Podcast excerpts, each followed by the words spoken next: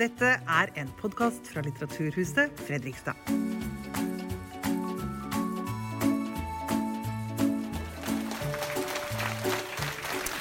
Først eh, vil jeg bare si tusen takk for at så mange kommer. Utrolig takknemlig. Jeg har vært på mange bokbad, og det, er, eh, det varmer virkelig hjertet å se at så mange har lyst til å komme og høre på det jeg har lyst til å si. Jeg tenkte jeg skulle lese litt fra første kapittelet, som heter 'Slottet'. Altså Boka starter med Slott og avslutter på Eidsvoll. Eh, det begynner slik. Jeg kom til verden i et krigsherjet Teheran 22.9.1982. i 1982. Midt under revolusjonen som endra landet jeg ble født til, til det ugjenkjennelige. 39 år seinere så jeg meg i speilet på stortingspresidentens kontor og sjekka at slipset satt pent. Om noen få minutter skulle jeg begi meg opp langs paradegata Karl Johan og inn til kong Harald på Slottet. Jeg var ikke lenge i fugleværelset. Altså fugleværelset er et av de flotteste rom på slottene. Hvis ikke, slottet, hvis ikke noen har vært der da. Jeg var ikke lenge i fugleværelset, bare noen minutter. Likevel var det sånn at tida sto stille. Kontrasten var så stor fra et krigsherja ayatollah-styrt Iran til dette rommet som oste av det trygge og hjertevarme Norge. Da jeg sto der, var det som om bestefar var sammen med meg. Han døde i 2016, 93 år gammel. Men likevel var han liksom tydelig til stede. Jeg har bare hatt én bestefar, for farfar døde før vi ble ordentlig kjent. Morfar, eller bestefar, som jeg alltid kalte ham, hadde ingen grunn til å stole på politikere eller ayatollaher. Han vokste opp uten far på landsbygda i Iran, og mora hans var aleneforsørger. Da bestefar ble født i 1923, var Iran et britisk protektorat. Han opplevde kolonitida. Han kan huske sinne og aggresjon som ble retta mot kolonimakta. Han opplevde også en verdenskrig, shahens regime, den lange og blodige krigen mellom Iran og Irak og ayatollahenes brutale prestestyre. For ham var politikere korrupte og prester nådeløse og herskesyke. Det var den verden han kjente, og det ga ham en livslang erfaring som gjorde at han ikke stolte på en eneste representant for eliten, aller minst på styresmakter og politikere. Da bestefar ble syk og jeg fikk besøke ham i Teheran, lovte jeg ham at jeg skulle prøve å ta vare på bestemor etter at han var gått bort. Jeg visste ikke ville gå. Jeg visste at selv om jeg så inderlig skulle håpe at det var annerledes, så ville det ikke la seg gjøre. Jeg rakk å besøke bestemor et par ganger før det ble umulig med flere reiser til Iran. Etter at bestefar døde, ble det umulig med flere reiser til Iran. Etter at bestefar døde, kunne jeg ikke lenger bruke hans sykdom som påskudd. Familiebesøk er også utelukka gitt min nåværende rolle og politiske engasjement. Jeg har avfunnet meg med at jeg har besøkt bestemor for siste gang. Men det smerter. Hun har blitt 87 år gammel, og vi snakkes på FaceTime. Men vi kan aldri mer gi hverandre en klem eller holde rundt hverandre. Samme dag som vi gravla bestefar, gikk bestemor og jeg gjennom sakene hans. Jeg tok findressen ut av klesskapet og kjente noe tungt i lomma. Det viste seg å være lommeur jeg en gang hadde kjøpt til ham. Vi var på skoletur gjennom Europa med hvite busser. Jeg var 13 eller 14 år gammel og hadde jobba dugnad i lengre tid for å besøke Auschwitz og lære om det mørkeste kapitlet i europeisk historie. Jeg tenker De avsnittene forteller veldig mye om kontrasten i livet mitt, men også litt om hvorfor jeg har blitt som jeg har blitt. Mm. Mm. Og da tenker jeg det er viktig å minne om at denne mannen er 39? 40 nå. 40. Er, uh, nå begynner jeg å bli gammel. Ja. ja. Eh, og jeg reflekterte over når jeg leste boka di, som jeg likte veldig altså Dette er veldig interessant. For det har skjedd så mye. Siden 1982. Eller i og for seg litt før òg, men, men, det har vært utrolig hendelsesrikt. Mm. Kan du ikke si litt om uh, foreldrene dine?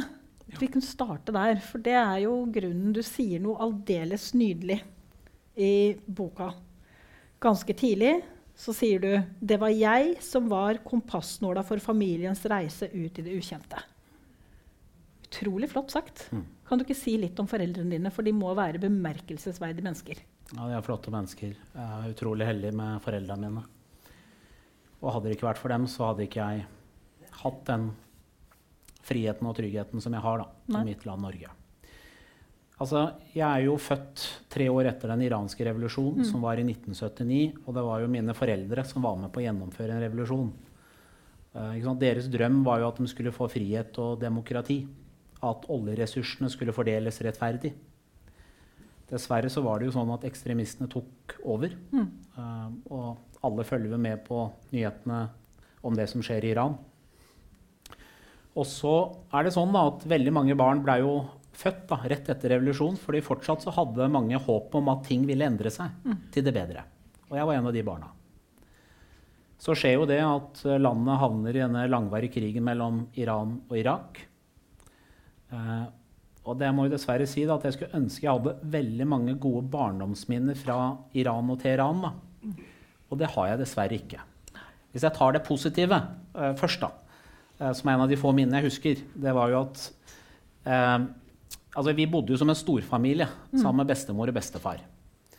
Og eh, pga. at eh, mange av mine eh, besteforeldres familie var fra Abadan, som var på grensa til Irak, som da irakerne hadde tatt på den tida, så hadde mange flykta til Teheran og bodde der. Eh, og der var det eh, eh, slik at kjøkkenet var ute.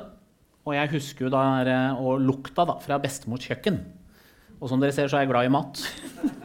Eh, så det er liksom tradisjonen jeg har tatt vare på. Så det er liksom de gode minnene. Eh, men det minnet som jeg har sterkest, eh, og det er jo fordi det sikkert skjedde så ofte og det var så dramatisk, det var jo at sirenene gikk. Eh, og vi måtte ut, og vi hadde da en sånn kjeller eh, hvor da nabolaget på en måte samla seg. Og på vei ut så, så jeg alltid opp mot himmelen. Og i det første så trodde jeg at det som skinte, det var da stjerner. Etter hvert så lærte jeg meg at det var det daglige bomberegnet over Teheran. Eh, og da pleide jeg å si at nå er det Saddam Hussein som kommer igjen. Og i den kjelleren der hadde bombene falt eh, over oss, så hadde ikke det redda oss, men det var en sånn falsk trygghet. da. Og der var vi mange timer og, eh, og holdt rundt hverandre. Og det var vel en av de nettene der når jeg snakka med foreldrene mine. For det er ingen tvil om det at når jeg er fem år, så har det jo vært viktig for meg å snakke med foreldrene mine. Så det har vært en følelsesmessig berg-og-dal-bane for oss alle sammen. Eh, Og det var en av de nettene hvor de tok et valg at skulle de sørge for eh, trygghet og frihet for meg, så måtte de flykte eh, og reise fra de menneskene de var aller mest glad i, da, som var foreldra deres. Men da tenkte de på meg, og da starta jo vår flukt. Ja, for, Foreldra dine på det tidspunktet var ikke ferdig utdanna engang. De var jo unge. De var unge, og det var jo litt sånn at drømmen sant, til mine foreldre var jo nettopp det å ta utdanning. Men noe av det første som stengte etter at revolusjonen og ayatollahene kom til, var jo da universitetene. Fordi det å få utdanning, det var skummelt, for da kunne de utfordre makta.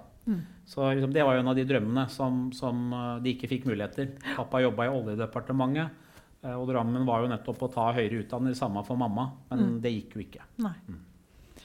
Og så flykta dere. Eh, og jeg forstår i boka di at det måtte de jo gjøre i største hemmelighet, så det var ingen som visste at de dro. Fordi pappa jobba som jeg nevnte, først i Oljedepartementet. Etter hvert så fikk han jobb i Samferdselsdepartementet. Og som pappa sa, da, det er at når han tok par uker ferie, han fikk ikke tatt mer enn par uker ferie, og kom tilbake sånn at halvparten av staben var borte. mm. For det var jo stadig vekk maktkamp. ikke sant? Og hvis du da var uenig med regimet, så kunne du jo fort bli bare borte. Eh, Noen ble plassert bort, eh, og andre visste man ikke hva hadde skjedd med. Man kan jo bare tenke seg. Ja. Og når man skulle flykte, så var det jo to veier da, ut av Iran på den tidspunktet. Det var enten via Pakistan eller da via Tyrkia. Uh, og vi hadde vært på en sånn storbytur til Istanbul tidligere. Så det kunne være en sånn fin dekkhistorie å si at man skulle en tur til Istanbul. Uh, så man valgte det. Uh, og så var det jo sånn da på det tidspunktet at den iranske valutaen var ikke helt elendig ennå. Sånn at man fikk litt penger med seg når man veksla inn til dollar. Og da eh, reiste vi til eh, Tyrkia. Eh, så er det jo alltid sånn at når jeg er på flukt, så tenker du at jeg har med meg nok penger. Og så tar det alltid lengre tid enn det man tror. Så pengene blei fort borte. Og etter hvert så var vi da illegale flyktninger fordi turistvisumet var gått ut. Mm.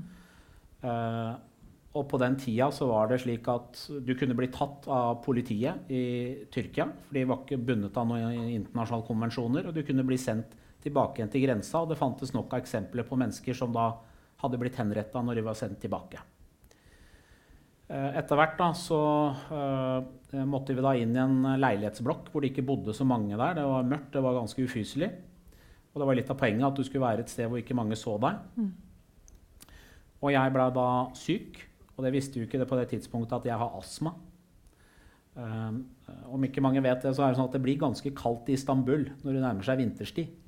Og på den tida der så varma de opp med kull i tillegg. Så du kan tenke deg når du liksom varmer opp med kull og det er kaldt, og jeg hadde astma, og var da utrolig syk, da, hadde mest sannsynlig lungebetennelse, eh, så ville jo mamma og pappa ta meg til lege, men eh, det advarte de andre om det må dere ikke gjøre. For da, det kunne være farlig. Vi kunne bli angitt og da sendt tilbake. Og en av de minnene jeg eh, etter hvert gjennom de samtalene jeg har, da, eh, som har kommet fram, er jo dette med at mamma og jeg var jo mest hjemme, mens pappa da var ute for å finne veier vi skulle komme oss videre. Og det var at mamma da hørte på en artist eh, eh, og sangen hans 'Om att, om att igjen'.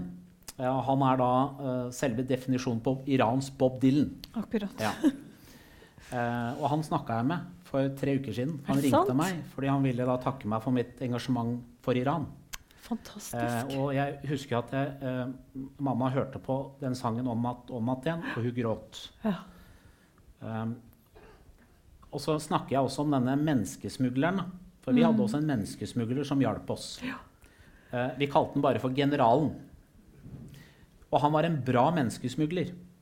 Han var mest sannsynlig eh, vært en del av etterretningstjenesten til sjahen og var i Tyrkia og prøvde å hjelpe opposisjonelle over. Vi kom til flyplassen en gang i Istanbul. Eh, så blei vi advart mot at her hadde noen gitt beskjed om at det kom en del flyktninger som skulle videre, og da måtte vi tilbake igjen.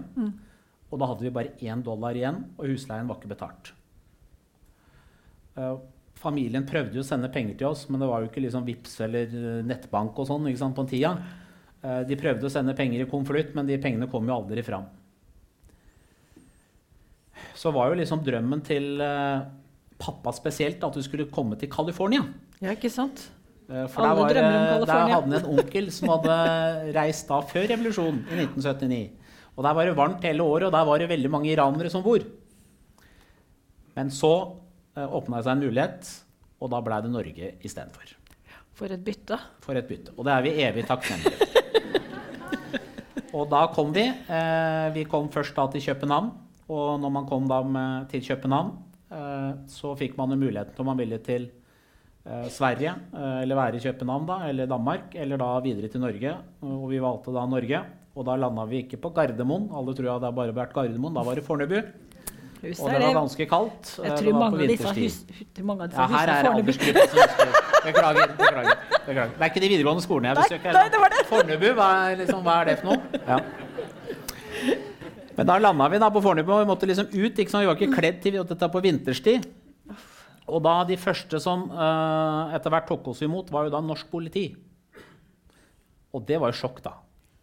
At du hadde politi som smilte til deg. Ga ungene en klem. Etter alt det vi hadde opplevd. Ja.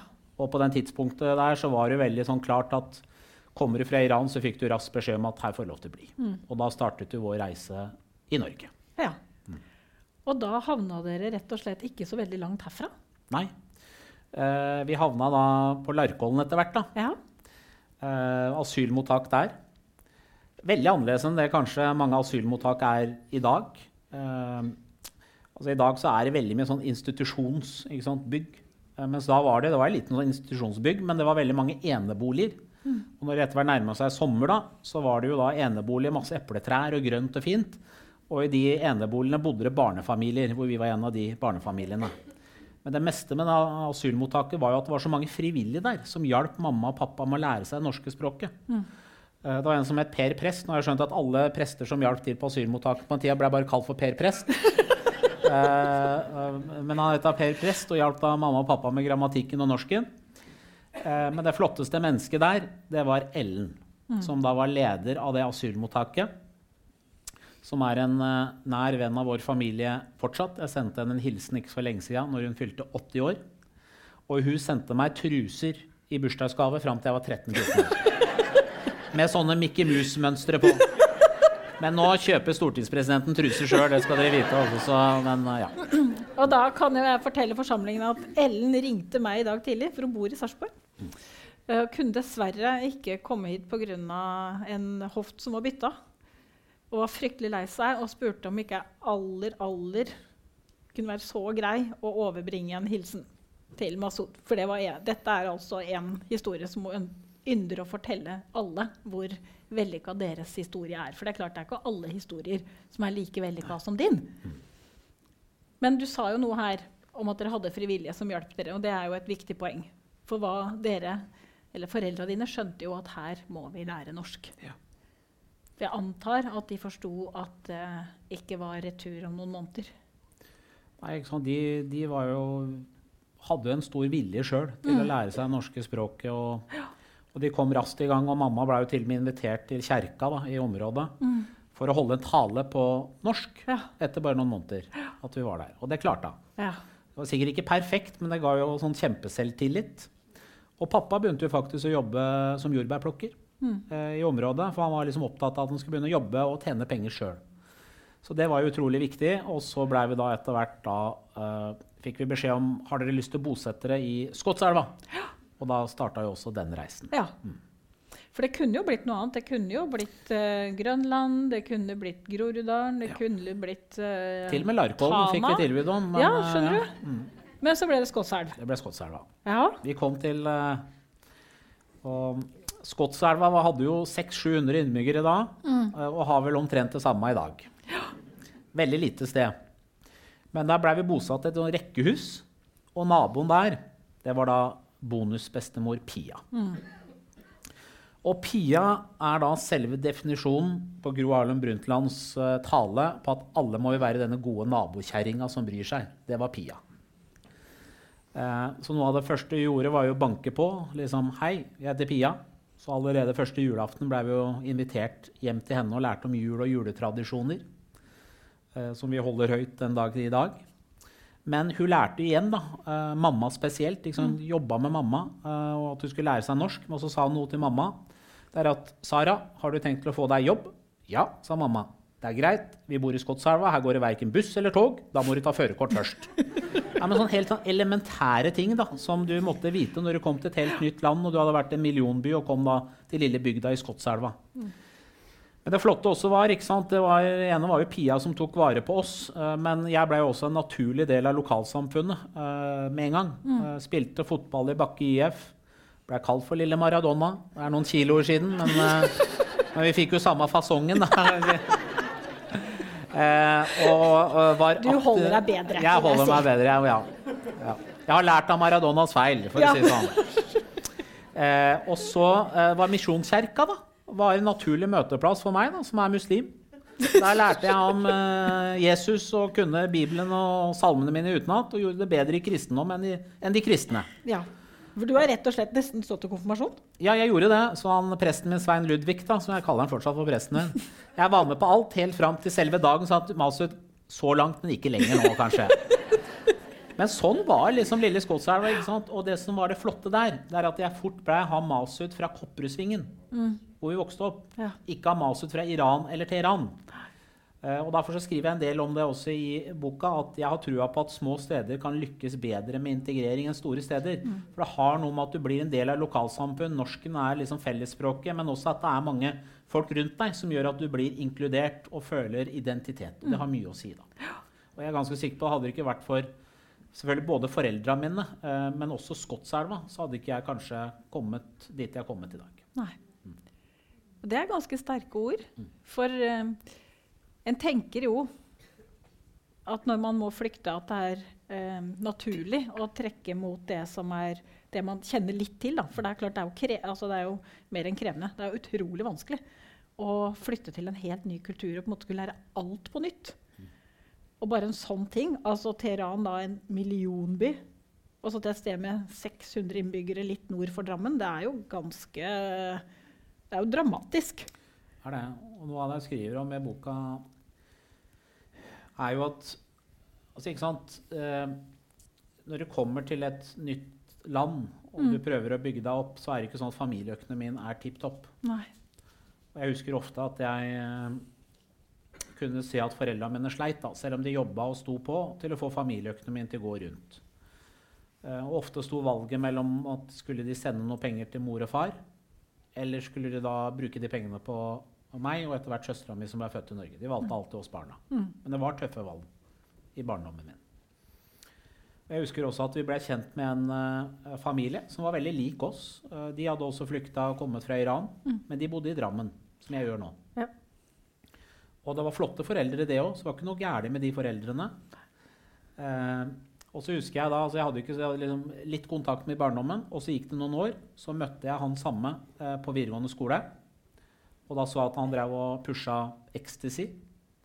Og sist gang jeg hørte om han, så veit jeg at han hadde blitt knivstukket i gjengoppgjør. Ja, ikke sant. Eh, og poenget mitt er at noen ganger så er det litt sånn at dårlige forbilder kan ødelegge veldig mye. Jeg er ganske sikker på at Hadde jeg prøvd meg på noe tull, så hadde bestemor Pia vært der. Tatt meg i øret og sagt dette går ikke, Masud. Og så liksom hvor du vokser opp, og dårlige forbilder er dessverre kan, eh, kan påvirke folk. Og selv om det er en god familie, så kan de dårlige forbildene ute i gatene være med å få deg i en annen retning enn det du hadde tenkt deg i livet. Ikke sant. Det er noe med det. Og så skriver du ganske morsomt at du, du ønska deg veldig et uh, videospill. Ja. Veldig. Mm. Og økonomien var vanskelig. Og så gjør mor hva? Altså, jeg drømte om eh, Nintendo, da. Ja. Og så blei det et abonnement på leksikon istedenfor fra mamma. Sånn var det. Sånn var mamma. Men sant, pappa har alltid vært en kamerat. Mamma var den som sørga for disiplin. Hun, var, hun er sjefen. Sånn var det alltid. Så bra. Eh, og eh, sant, for, for dem så var det litt sånn Masud, du kan gjøre hva du vil i livet, men du må ta utdanning først. Igjen tilbake litt liksom, hva de hadde opplevd. Universitetet var stengt. Liksom, når vi kom til Norge, du må ta utdanning. Det var viktig. Så vi kjøpte denne leksikon, da. Eh, og det ble på mange måter noe redningspunkt, da, fordi jeg var ikke sånn kjempeskoleflink. Men jeg elska leksikon. Jeg elska pugge ting. Jeg elska historie, eh, ikke sant? geografi. Det syns jeg var veldig kult. Og så fikk jeg plutselig en lærer da, eh, på Skotsherr skole. Sindre Alsos, som dukka opp når jeg var og besøkte en videregående skole i Lofoten. Så dukka han plutselig opp, for han hadde flytta dit for å gi meg en klem. Men han hadde da studert litt i USA og, innf og innførte sånn multiple choice-spørsmål. Og fra å ha sånn noget, som det het da, i nesten alle karakterer, så var det den, den gutten da, som klarte å pugge ting. Plutselig fikk han M pluss og S. Eh. På grunn av det multiple choice, for jeg klarte liksom å pugge ting. Mm. Og da fikk jeg selvtilliten, og da gjorde jeg det plutselig bedre i alle andre fag også.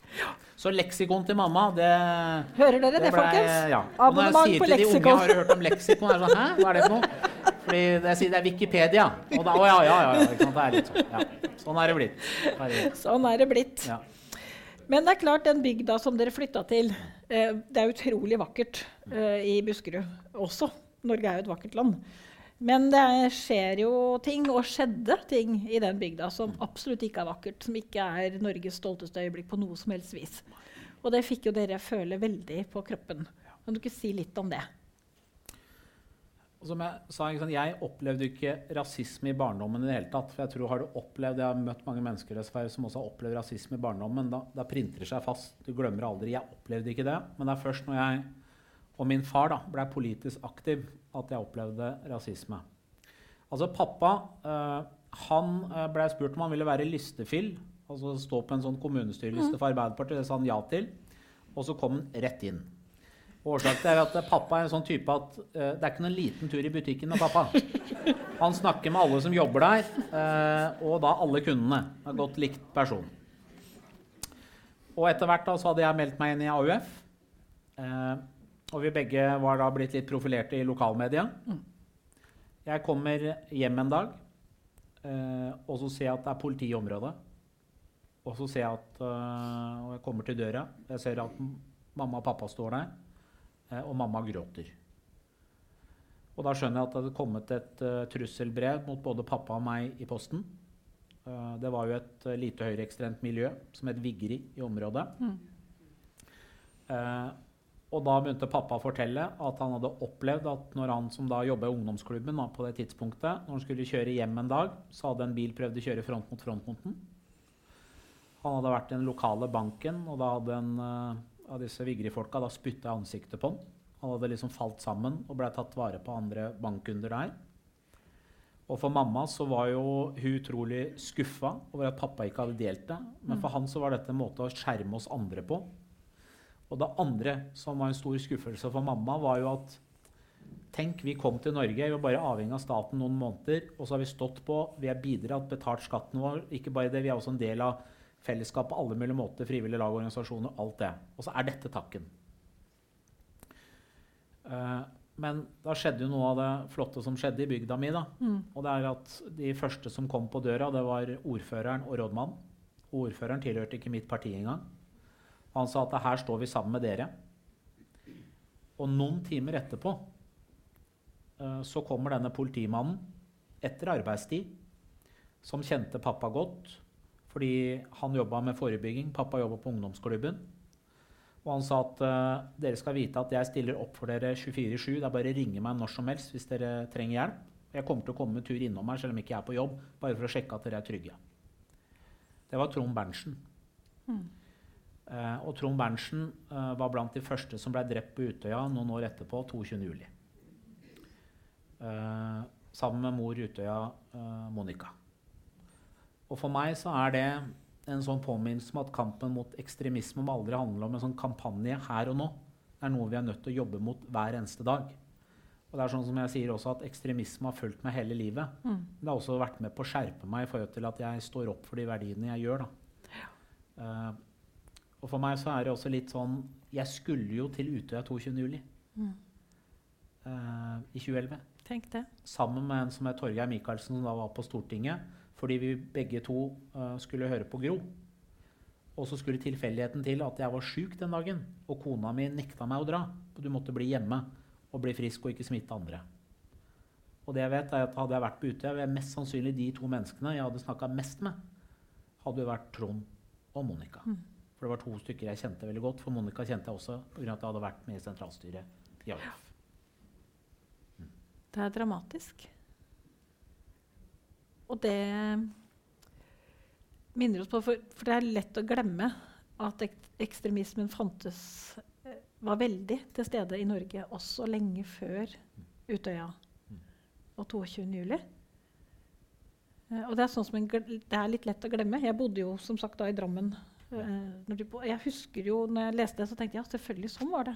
Mm. Det var gateslag i Brumunddal. Mm. Så det har, vi har jo hatt det tett på helt siden krigen. Absolutt. Og før krigen. Så, så det, det, er en viktig, det er viktig at sånne stemmer som din eh, minner oss på hvor viktig det er å snakke høyt. Det er det. Men du sa litt i sted om at du hadde en forpliktelse Mm. Eh, overfor foreldra dine. Og så sa du at du huska bestemors kjøkken. Og da er det jo lett å tenke at du kanskje hadde hatt lyst til å bli kokk. Men det ble du ikke.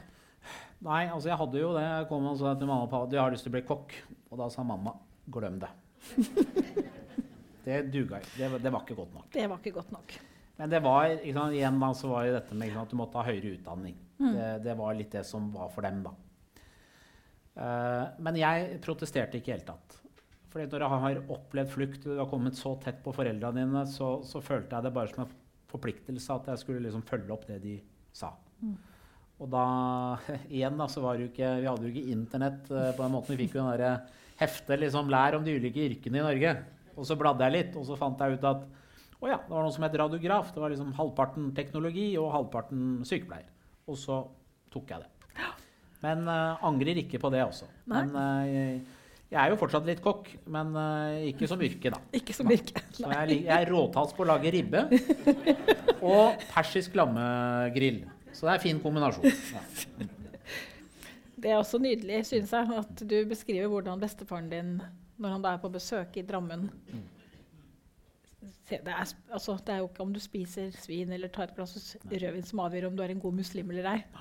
Det er ganske nydelig. Det er ganske raust av en mann født i 1923, var det det? Mm. Bestefar var altså Det ene er ikke med bestefar Han, han, Siden han hadde da uh, hatt bare uh, mora si, da, for faren var ikke Jeg vet ikke hva historien var, jeg klarte aldri å skjønne. Jeg tror ikke han visste det sjøl heller. Nei. Fordi uh, mora døde da han var 11-12 år, og da måtte han begynne som barnearbeider i Teheran for å forsørge seg sjøl. Men bare at han hadde hatt denne mora si. da. Så derfor så var det sånn at når han ble far sjøl, på tre døtre, da, og på et tidspunkt hvor det ikke var uvanlig at for at kvinner skulle få selvstendighet, så skulle de gifte seg. Det var ikke han opptatt av. Han var opptatt av at de skulle faktisk få utdanning og stå på egne bein. Og skulle ta selvstendige valg når de hadde lyst til å gifte seg med. Uh, og han var jo også veldig annerledes, så jeg husker jo nettopp det at når han etter hvert, da, når krigen var over og kom en tur på besøk til Norge Han ville være i Iran uansett hvor jævlig det var der, så ville han ikke forlate landet han var født i. Sånn var han. Men når han kom på besøk, så husker jeg at vi gikk forbi Bragernes kirke, som var en veldig flott kirke, og så gjorde han korsets stein. Og så sa jeg til bestefar, men vi er jo muslimer, hvorfor gjør du dette? Så sa han til meg ja, men dette er også vårt gudshus. Uh, og sånn er det litt for meg òg, da. Altså, jeg har vært mer i kjerka enn jeg har vært i, i en moské. Men jeg er muslim. Ja. Men kjerka er også Guds hus for meg. Ja. Så det er jo ja, Jeg vet at det er litt sånn særing, da. Men, uh, men sånn har jeg vokst opp, da. Mm. Det sier ganske mye om uh, hvorfor du har blitt den du er, tenker jeg. At du har hatt så rause folk rundt deg. Mm. Men mens du tok utdanning, så fant du også politikken. Det gjorde jeg.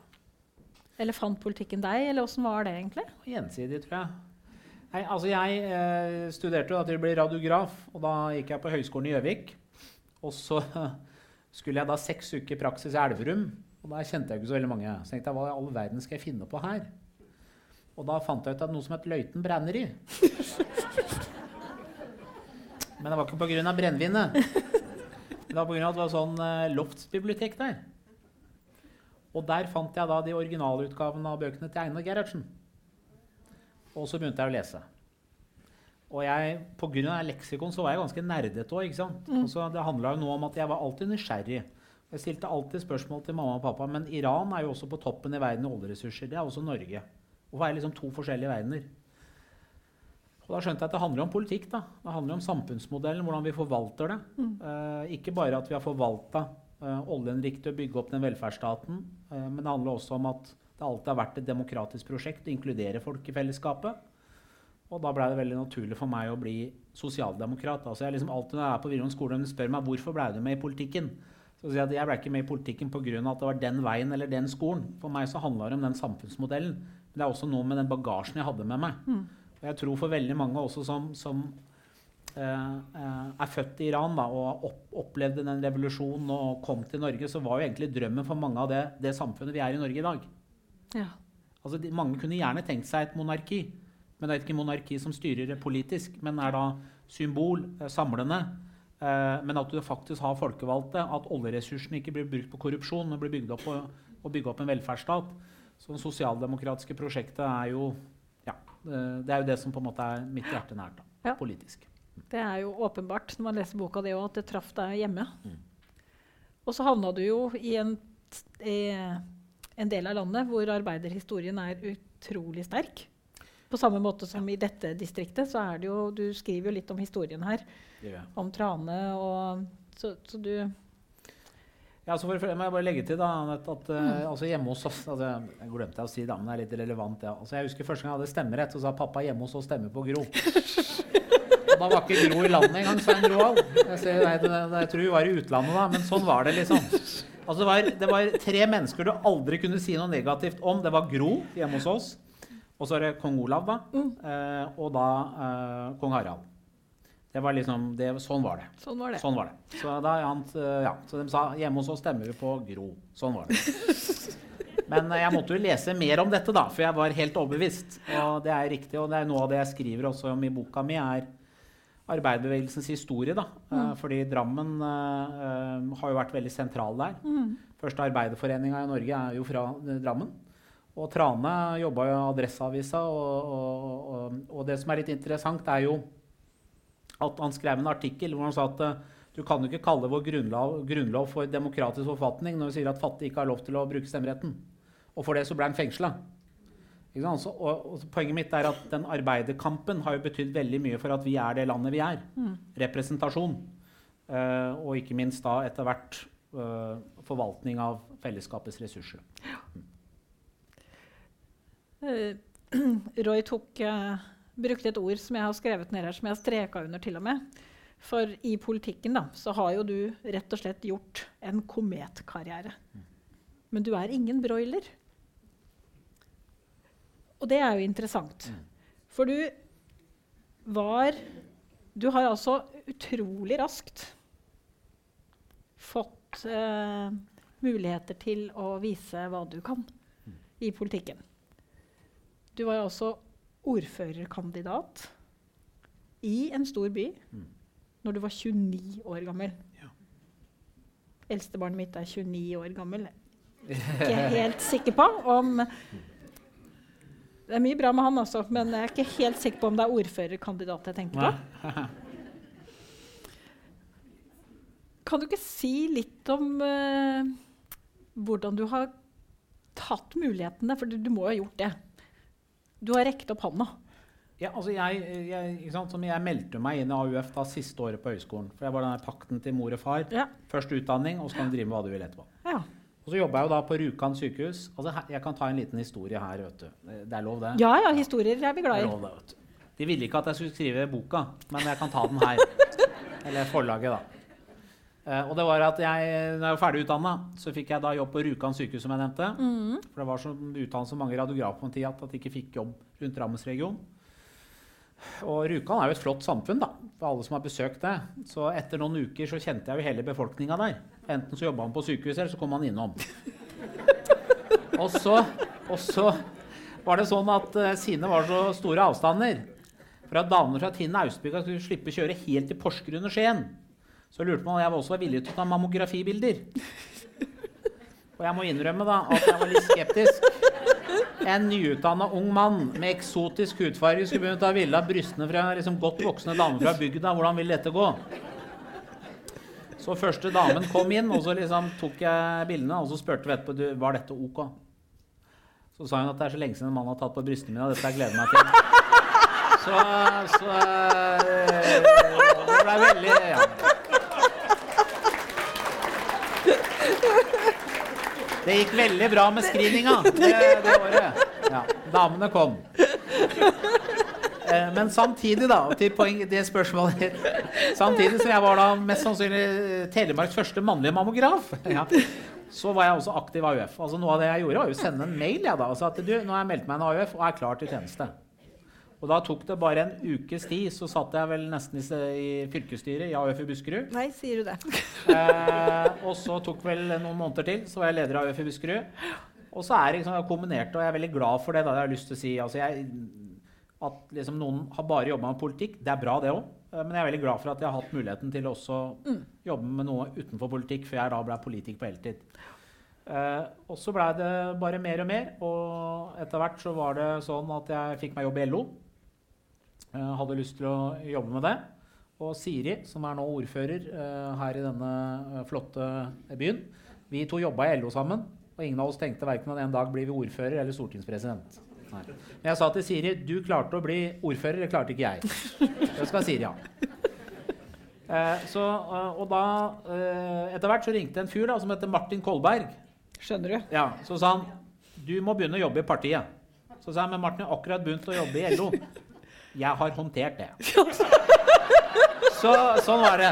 Ja, og noen, de som kjenner Martin, vet hvordan han hadde jo, han hadde jo tenkt på det greiene der. Liksom. Så det var sånn, dette er avklart. Og da starta liksom reisen, og, og jeg ble da ordførerkandidat. Og fikk dessverre ikke muligheten til å bli ordfører. Det gjorde jeg ikke. Eh, første gangen eh, var veldig spesielt. Det var det. Mm. Det ene er ikke sant, altså, eh, vi, Arbeiderpartiet hadde vært opposisjon veldig mange år. øh, så det var veldig krevende valg. Og så må jeg si at mange ikke helt kjente meg. Nei, du var 29, jeg bare minner om Ja, det. sånn at øh, det, det gikk ikke. Og andre gang gjorde vi et veldig godt valg. Eh, men dessverre så fikk, jeg ikke, fikk vi ikke nok mandater da heller. Men øh, hadde det ikke vært for drammenserne, så hadde ikke jeg kommet inn på Stortinget i 2017. Nemlig. Fordi vi gjorde veldig dårlige valg mange steder. Men pga. 1100 stemmer eller noe sånt nå, fra Drammen, som da gjorde et godt valg sett sammenheng med alle andre steder, så klarte de å få meg inn. Så hadde det ikke vært for drammenseren da, så hadde jeg ikke sikkert vært stortingspresident i dag. Nei. Så byen min er jeg glad i. Drammen er en fin by, vet du. Ja. Ja, skjønner Ja. du? Det er bra. Og så ble du altså en ung stortingsrepresentant. Ja. Eh, og det er sånne ting som jeg lurer på innimellom. Åssen var det da? å komme inn på Stortinget og som skulle begynne For det er jo en veldig spesiell jobb. Absolutt. Utrolig privilegert, da. Det er jo Men fikk du jobbe med det du hadde lyst til? Du hadde sikkert noen ideer om hva du ville jobbe med? Jeg kan si at uh, jeg kom jo inn i 2017, da. Uh, og det var jo krevende tid, for å si det sånn. Uh, det ene var jo at det var jo et valg man trodde man skulle vinne. Det gjorde man jo ikke. Det, det begynte bra, og så gikk det bare én vei, dessverre. Og så, uh, og når jeg kom inn, så ja, altså Jeg kan jo bare nevne noen stikkord. Metoo. Det var mange krevende ting. Og jeg hadde jo oppgitt hva jeg hadde lyst til å jobbe med. Jeg havna i ingen av de komiteene. Uh, sånn var det litt på den tida. ja, vi trenger ikke å bruke så mye tid på det. Men jeg havna i familie og kultur. Men mens det var store utfordringer i vårt parti, så var jeg i den ene debatten etter andre og snakka om idrettspolitikk og mediepolitikk. Og, og jeg stortrivdes, det. Så det er litt sånn jeg har vært. Og, men da var det. Og så etter hvert så begynte jeg å jobbe med innvandringsfeltet, da. Mm. Ja, For du leda det som het Migrasjonsutvalget? Riktig. Ja. riktig. Det jobba med. Ja. For du har jo ganske ganske tydelige standpunkt og meninger om eh, asyl- og innvandringspolitikken. Eh, og tar modige og ganske eh, Ja, de er jo veldig tydelige eh, ståsted, og det kan du kanskje gjøre med den bakgrunnen du har. Du kan være tøffere i klypa, kanskje? Jeg kan si da, at Et av de vanskeligste temaene å jobbe med, er innvandringspolitikk. Mm. Det er det, altså. Jeg sier alltid at Eh, om folk har fått både beskjed om at eh, du får lov til å bli i Norge, eller hvis du snakker med noen som har fått avslag Du, kan, altså, du føler sympati med nesten alle mm. og kan forstå mange av de valgene jeg har tatt. Ja. Men det som selvfølgelig var tøft når du jobba med innvandringspolitikk, det var jo at noen mente at pga. at jeg var innvandrer, så måtte jeg jo selvfølgelig være for fri innvandring. Og på den andre siden så var det sånn at uansett hva jeg mente, så var jeg muslim jeg vil. Ja. Og det er litt sånn tøft uh, å jobbe mm. i det terrenget, men samtidig, da, så Og det skriver jeg om. ikke sant? Vi var jo heldige. Vi hadde jo denne gode menneskesmugleren. Det er ikke mange igjen av de, det er nesten ingen av de igjen. Nei. Og det er bare å se hvordan folk blir sendt over Middelhavet. Og for meg så var jo Roy tror jeg, som spurte har du vært i Libanon. Jeg var jo besøkte Libanon i 2019, Jordan og Libanon. Uh, og Der snakka jeg med FNs høykommissær for flyktninger. Og da fortalte han om en familie hvor de hadde en sønn på seks år. Omtrent den samme alderen som min mm. sønn var da. Som hadde bare noen uker igjen å leve, for det var ikke mulig å ha helsehjelp med at hun hadde hjernetumor. Den familien tok Norge imot som kvoteflyktninger. Og det var helt, det var, Hadde ikke det, vi gjort det, så hadde ikke det barnet levet. Så For meg så ble jo det et utgangspunkt for den jobben vi gjorde i partiet. At liksom kvoteflyktninger er den mest rettferdige måten å ta imot flyktninger på. Uh, og jeg er i hvert fall stolt av det. At i Norge så er vi jo selvfølgelig tverrpolitisk enige om det. At vi ønsker ukrainerne velkommen til Norge. Og det er alltid sånn at når du kommer i din egen nærområde, så må du ta et større ansvar. Altså når jeg var i Jordan og Libanon, vi, vi, snakker om 10 000 eller 5000 eller 3000 kvoteflyktninger. Der har de over to millioner. Når vi spør dem hvorfor det, så sier de at dette er våre brødre og søstre, det er våre nærområder, vi har større ansvar. På samme måte så har vi større ansvar for ukrainerne, men fortsatt så er vi et land at vi ikke har glemt andre steder, og mm. fortsatt så prioriterer vi å ta imot kvoteflyktninger. Ja. Det er viktig ja. at vi har flere bein å stå på i flyktningpolitikken. For det er en ting er klart, i den verden vi er i, så blir det ikke færre flyktninger, det blir flere og flere. Og eh, selvfølgelig krigen i Ukraina har bidratt til det, men det du ser også er at pga sult, eh, mangel på korn, energikrise, så øker jo fattigdommen i veldig mange steder i verden. Så det er viktig å stille opp eh, andre steder òg. Ja. Og da er vi jo litt der som Roy starta, da. Mm. At du har jo da Vi snakka litt om det på jobben. Jeg jobber jo da på, som sagt, på bibliotek. Så snakka vi om det her om dagen. Uh, at du er stortingspresident. da så liksom, vet vi egentlig noe om stortingspresidenten. Og det skriver du jo om veldig fint også. at uh, Selv du som hadde vært ja, representant i fire år, eh, visste ikke helt hva den rollen egentlig innebar. Og vi kunne komme på én et annet navn. Og det var Jo Benkow. Mm. Som du jo også nevner. Mm. Så Og du sa det jo sjøl. Jeg tror at du ikke hadde tenkt at det var det du skulle bli når du ble stor. Nei, jeg hadde ikke gått rundt og tenkt en eneste gang på at jeg skulle bli stortingspresident. Nei, tror du det er noen det, er, det noen gang? virkelig, det er sant. Er, Ja, det tror Vi tror deg på det. Ja, Vi tror deg på det, altså, for jeg tror liksom ikke det er sånn, noe jeg tror ikke det er en posisjon at noen drømmer om å bli stortingsrepresentant. Ja, det skjønner jeg, men stortingspresident den, den har vært ganske så anonym. Mm. Og så gjorde du, og, og det er jo ikke noe rart uh, å forstå at det var interessant for media. Mm. eh, at du med din bakgrunn uh, og alder ble president. Mm. Var jo relativt, Selv om det hadde vært i mye debatter, så var det jo en relativt ukjent sånn på, på, på nasjonalplan, ukjent politiker. Eh, Så dette er jo ikke for lang og tro tjeneste du har fått den stillingen. Det har fått noen tenkt at du var brukende til nå, tror jeg. Jeg håper da det. Ja, jeg tror det. Jeg tror det. Det ble snakka om en ryddejobb her. Og det er klart, det, du har jo vært, stått i tøffe ting, det, alderen til tross. Men veldig fort For du ble jo da stortingspresident i en periode hvor, hvor verden er veldig Eller den er kanskje ikke veldig ustabil. Det er bare at ustabiliteten har kommet nærmere oss. Mm. Det er vel sannheten, for det er vel ikke noe mer ustabilt enn det har vært. Og så har du vært utrolig tøff. Mm. Og retta ryggen og snakka høyt. F.eks. om da selvfølgelig krigen i Ukraina, hvor du gjorde et eksepsjonelt valg. Du slapp rett og slett presidenten i et annet land inn i vår nasjonalforsamling. Og ikke bare inn i nasjonalforsamlingen, men i sjølve salen. Kan du ikke si litt om hva du tenkte? Hvorfor du valgte å gjøre det sånn?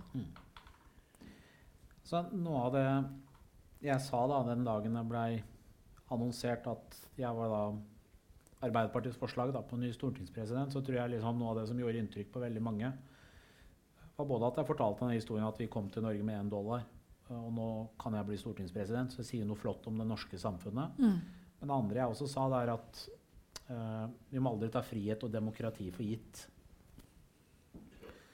Og, og bare for sagt det, altså, det er jo som du sier, da, selvfølgelig, hvis du har vært i lokalavisa og, og vært på Stortinget som en menig stortingsrepresentant, så er ja, det er jo noen som kjenner deg. Men selvfølgelig etter hvert som du er sånn stortingspresident, da, så havner du i media hele tida. Noen ganger så vil du slippe media, men de er der likevel.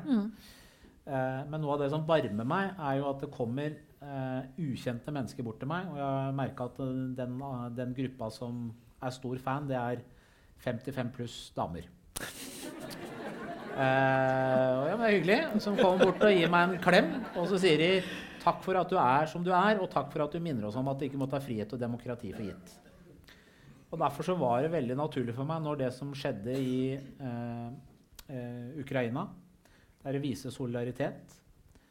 Eh, og eh, jeg hadde jo vært i kontakt med, med mine ukrainske kollegaer, spesielt han som leder parlamentet, Mm.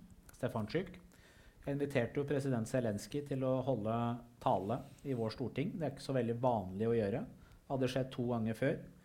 Eh, første eh, person som fikk lov, var jo da Winston Churchill i 1948. Mm. Og da var det kong Olav, eh, unnskyld, kong Haakon som hadde invitert den eh, som en sånn takk for innsatsen hans under andre verdenskrig. Men han var jo ikke statsminister lenger. Han var jo opposisjonsleder. Men årsaken til at Churchill var på en sånn rundreise, var at han ville jo etablere Europarådet. Og et av utgangspunktene for det var at vi skulle lære av andre verdenskrig. Det skulle ikke skje igjen. Og poenget mitt var at det skjer igjen. Og og derfor inviterte vi president Zelenskyj til å tale. Og det er for å vise at deres kamp for frihet, selvstendighet og demokrati er også vår kamp på hva slags verdier Europa skal bygge på. Og Derfor sa jeg også ja til å besøke Ukraina 8. mai. Som ikke var en enkel beslutning. Den ene er at jeg var ny stortingspresident, og det er 8. mai, vår frigjøringsdag, så er det sånn at du har mange oppdrag sammen med Hans Majestet. Eh, Men det var jo også en veldig krevende sikkerhetssituasjon. Men det var jo et ønske fra president Zelenskyj og Stefantsjuk at det skulle komme den dagen fordi det var så symbolsterkt at vi var der. Vi som også sjøl hadde opplevd hva okkupasjonsmakt betyr. Og derfor så dro jeg og utenriksministeren sammen på 8. mai. Eh, og hvis jeg får lov, skal jeg bare si liksom to ord om det, for det er mye om det i boka mi. Litt om Vi burde jo ha sett hva som kom. Det var jo nok advarsler i forhold til det som skjedde på Krimhalvøya, eh, og hvordan Putin hadde eh, opptrådt seg over tid. Men det å komme da til eh, Kiev på 8. mai Og det var jo da dagen før eh, Putin hadde annonsert at han skulle holde en stor tale. Alle var spent på hva vil skje da.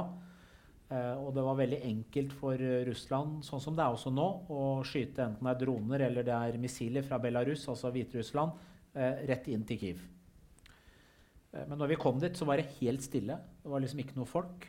Det var sånn sandsekker overalt og militære bare. Eh, og da kom vi da til dette nasjonalmonumentet. Eh, hvor jeg ble da mottatt av min kollega Stefantsjuk. Altså, som jeg sa, jeg er ikke en liten kar, men uh, Stefantsjuk han er to og en halv ganger større enn meg, både bredde og høyde. uh, så vi ga hverandre en sånn bamseklem hver. Og så overrekte han til meg en sånn krans med norske flagget. Nå skal vi gå lenge nok. Men, uh, og ukrainske, selvfølgelig. Men når vi gikk bort, og jeg la ned kransen, så spilte de 'Ja, vi elsker'. Da klarte ikke jeg å holde igjen tårene. Nei. Og så satte vi oss i bilen, og så sier han til meg, Masud, som du ser, det er ingen barn her. Nesten. Ute i gatene. Eh, den dagen vi hører lyden av unger igjen i Kiev, så vet du at ting begynner å bli normalt. Og da dro vi etter hvert, da, uh, Anniken og jeg, til uh, Butsja. Og der, møtte vi, og der gikk vi på områder hvor de hadde funnet massegraver. Det er der man, det lå lik overalt uh, når ukrainerne tok det tilbake etter at russerne hadde vært der. Og vi snakka med den presten som forklarte han hadde hatt 400 begravelser på to uker. Folk han hadde konfirmert, folk han hadde viet, hadde, hadde de funnet disse massegravene. Og så var vi etterpå bort, bort på Irpin, som ikke var så langt unna der den brua ble ødelagt tidlig i krigen. Eh, hvor jeg sto utafor en sånn leilighetsblokk. Du kan se for deg hvilket som helst tettsted i Norge hvor tanksen hadde kjørt gjennom og skyte løs på alle sivile mål. Og der sto jeg og så rett inn i en leilighetsblokk inn i kjøkkenet til der en barnefamilie bodde. Helt vanlig liv. Eh, bare i løpet av noen timer så var alt snudd opp ned. Mm. Og det er jo ondskap, da. Og det jeg sa til mine kollegaer der, det er at jeg veit jo hva det betyr hvis ekstremistene vinner, hvor mange generasjoner som går tapt. Mm. Eh, og deres kamp er også vår kamp, så Ukraina har jeg engasjert meg i, og ikke minst også det som skjer i Iran, selvfølgelig. Ja. For det, det er jo en nyere, nyere ting, selv om det åpenbart har ulma under, og det er eh, Det er mange som har måttet eh, flykte pga. meninger og annet i, i mange år, også etter at foreldra dine valg, tok det valget. Eh, Denne flotte kommunen har jo tatt imot en forfatter. Eh, dette er jo en friby. Dere har tatt imot en iransk dame. Eh, det er jo veldig flott og veldig viktig at vi også gjør det at vi tar vare på de som faktisk eh, velger å bruke stemmen sin. Mm. Og der var du jo også modig. Mm. Og sa, eh, ikke bare på norsk, men du brukte altså morsmålet ditt også. Du vet eh, Jeg blei jo da stortingspresident i november. Og så var det da persisk nyttår, som pleier å være rundt 20. 21. mars. Da lagde jeg en sånn liten budskap jeg, på det. Og jeg var i Eidsvollsgalleriet, og så sa jeg bare på Da sa jeg også på farsi at jeg ønsker alle som feirer Nowroz, god Nowroz. Og så håper jeg at en dag mennesker i Iran også får den samme friheten og demokratiet jeg selv har i, i mitt land Norge. Så enkelt var det. Og den blei sett av veldig mange. Etter det så har jeg stadig vekk fått da bilder eh, og meldinger fra folk i Iran. Og eh, jeg fikk da bilder av eh, Masa Jina Amini, som har blitt selve symbolet Mm. på det som skjer, når hun var i koma. Hun var ikke død ennå. Jeg fikk bilder av henne. Og da klarte jeg ikke å sitte stille. Uh, og da var, lagde jeg en enkel video igjen på terrassen i Drammen. Hvor jeg sa bl.a. at Masa Jina Amini er jo bare én av mange ofre for det regimet som er nå. Mm. Uh, og jeg er født i det landet, jeg òg. Og jeg vet hva demokrati og frihet faktisk betyr, for det Mm. har jeg i mitt land Norge. Det fortjener også dere. Og dere fortjener også at oljepengene blir brukt på å bygge opp et fellesskap, ikke på korrupsjon.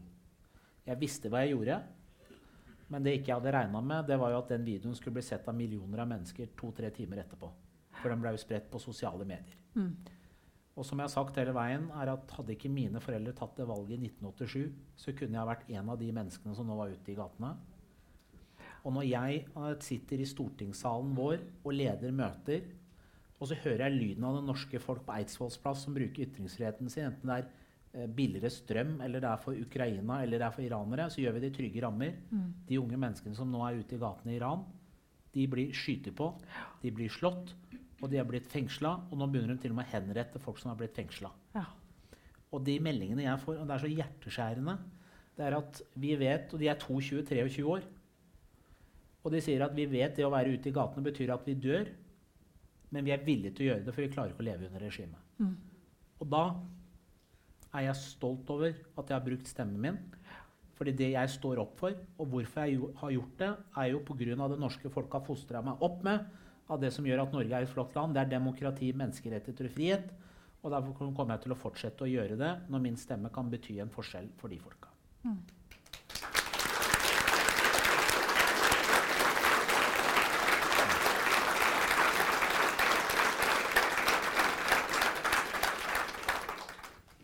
Og så betyr det jo noe for oss òg, da, vet du. Mm.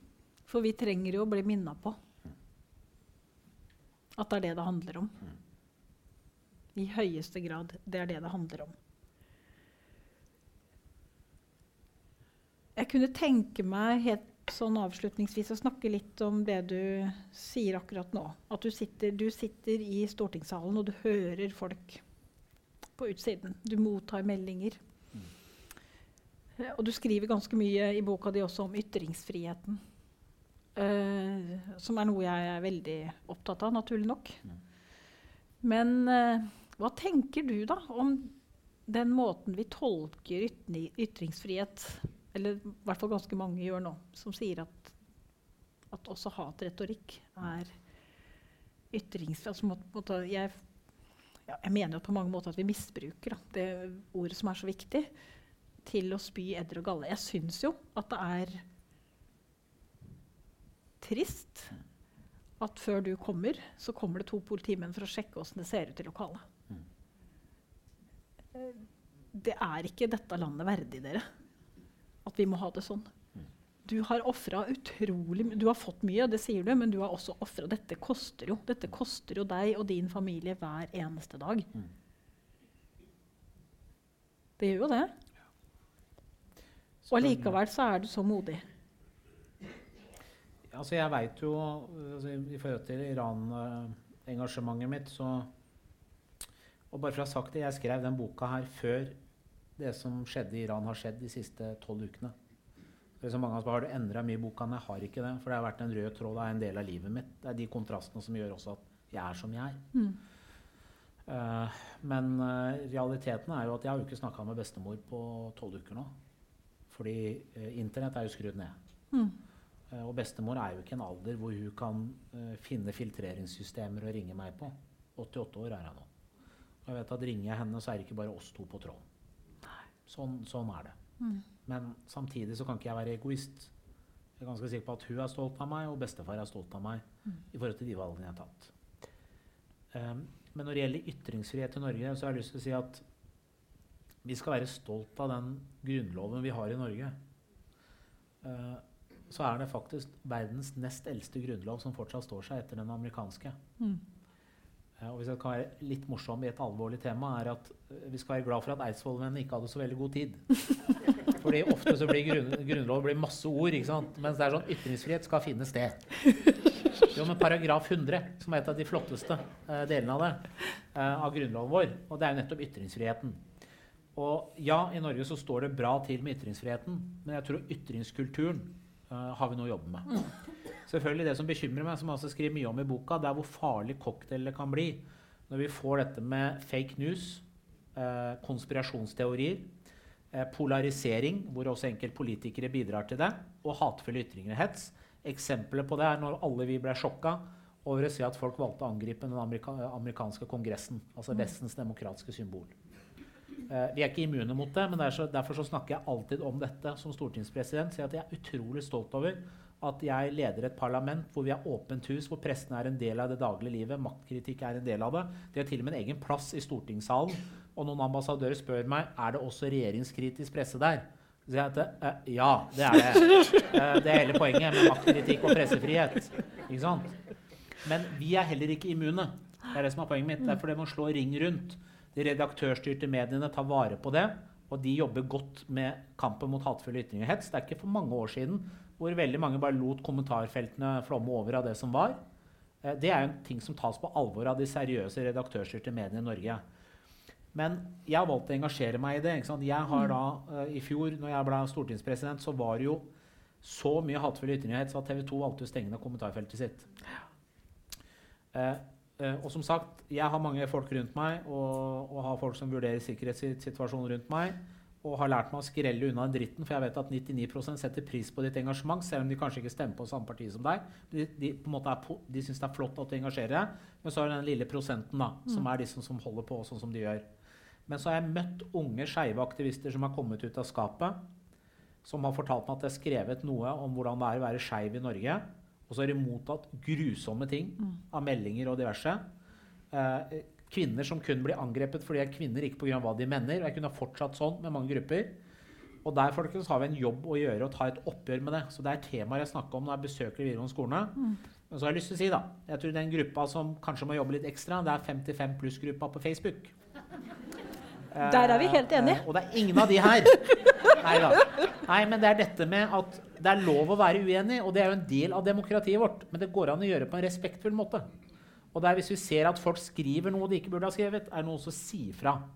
Så har liksom politikerne et ansvar, mediene har et ansvar, vi har alle som storsamfunn et ansvar. Uh, og vi må liksom ta vare på det. Vi må aldri la de ekstreme liksom, de, um, innskrenke ytringsfriheten for. Fordi det vi ser, det er jo at i veldig mange land så har man både brukt pandemi og andre ting for å innskrenke ytringsfriheten. Det må vi aldri gjøre, for da går det også utover demokratiet. Men derfor vi i Norge topper statistikk over demokrati, er jo fordi også vi at vi topper statistikk over pressefrihet, ytringsfrihet. Disse tingene henger jo sammen. Da. Det gjør det. Mm. Dette er utrolig viktig. Jeg tenker at vi skal begynne å runde av. Jeg har lyst til å bare si én ting til til deg til slutt, før jeg sier takk for samtalen. Og det er Du snakka om representasjon. Og så skriver du i boka di, og jeg syns det er et utrolig flott bilde Jeg elsker 17. mai. Jeg elsker kongefamilien eh, og mye annet. Eh, og jeg, jeg kan jo røpe at den reportasjen på Norge Rundt, hvor denne herren fikk seg en bunad Noen gråt. For det betyr noe. Representasjon er viktig. Og du skriver i boka at du er ikke sikker på om det betydde noe, liksom. men det er klart det betyr noe. Det står en ung mann uh, med det du sjøl kaller for et eksotisk utseende, det er jo ikke det i Norge lenger engang, i bunad som, som den fremste representanten etter kongen. Det er klart det betyr noe. Tusen, tusen takk for at du orker å stå i dette her for oss. Det er utrolig inspirerende. Tusen takk for samtalen. Takk skal dere ha.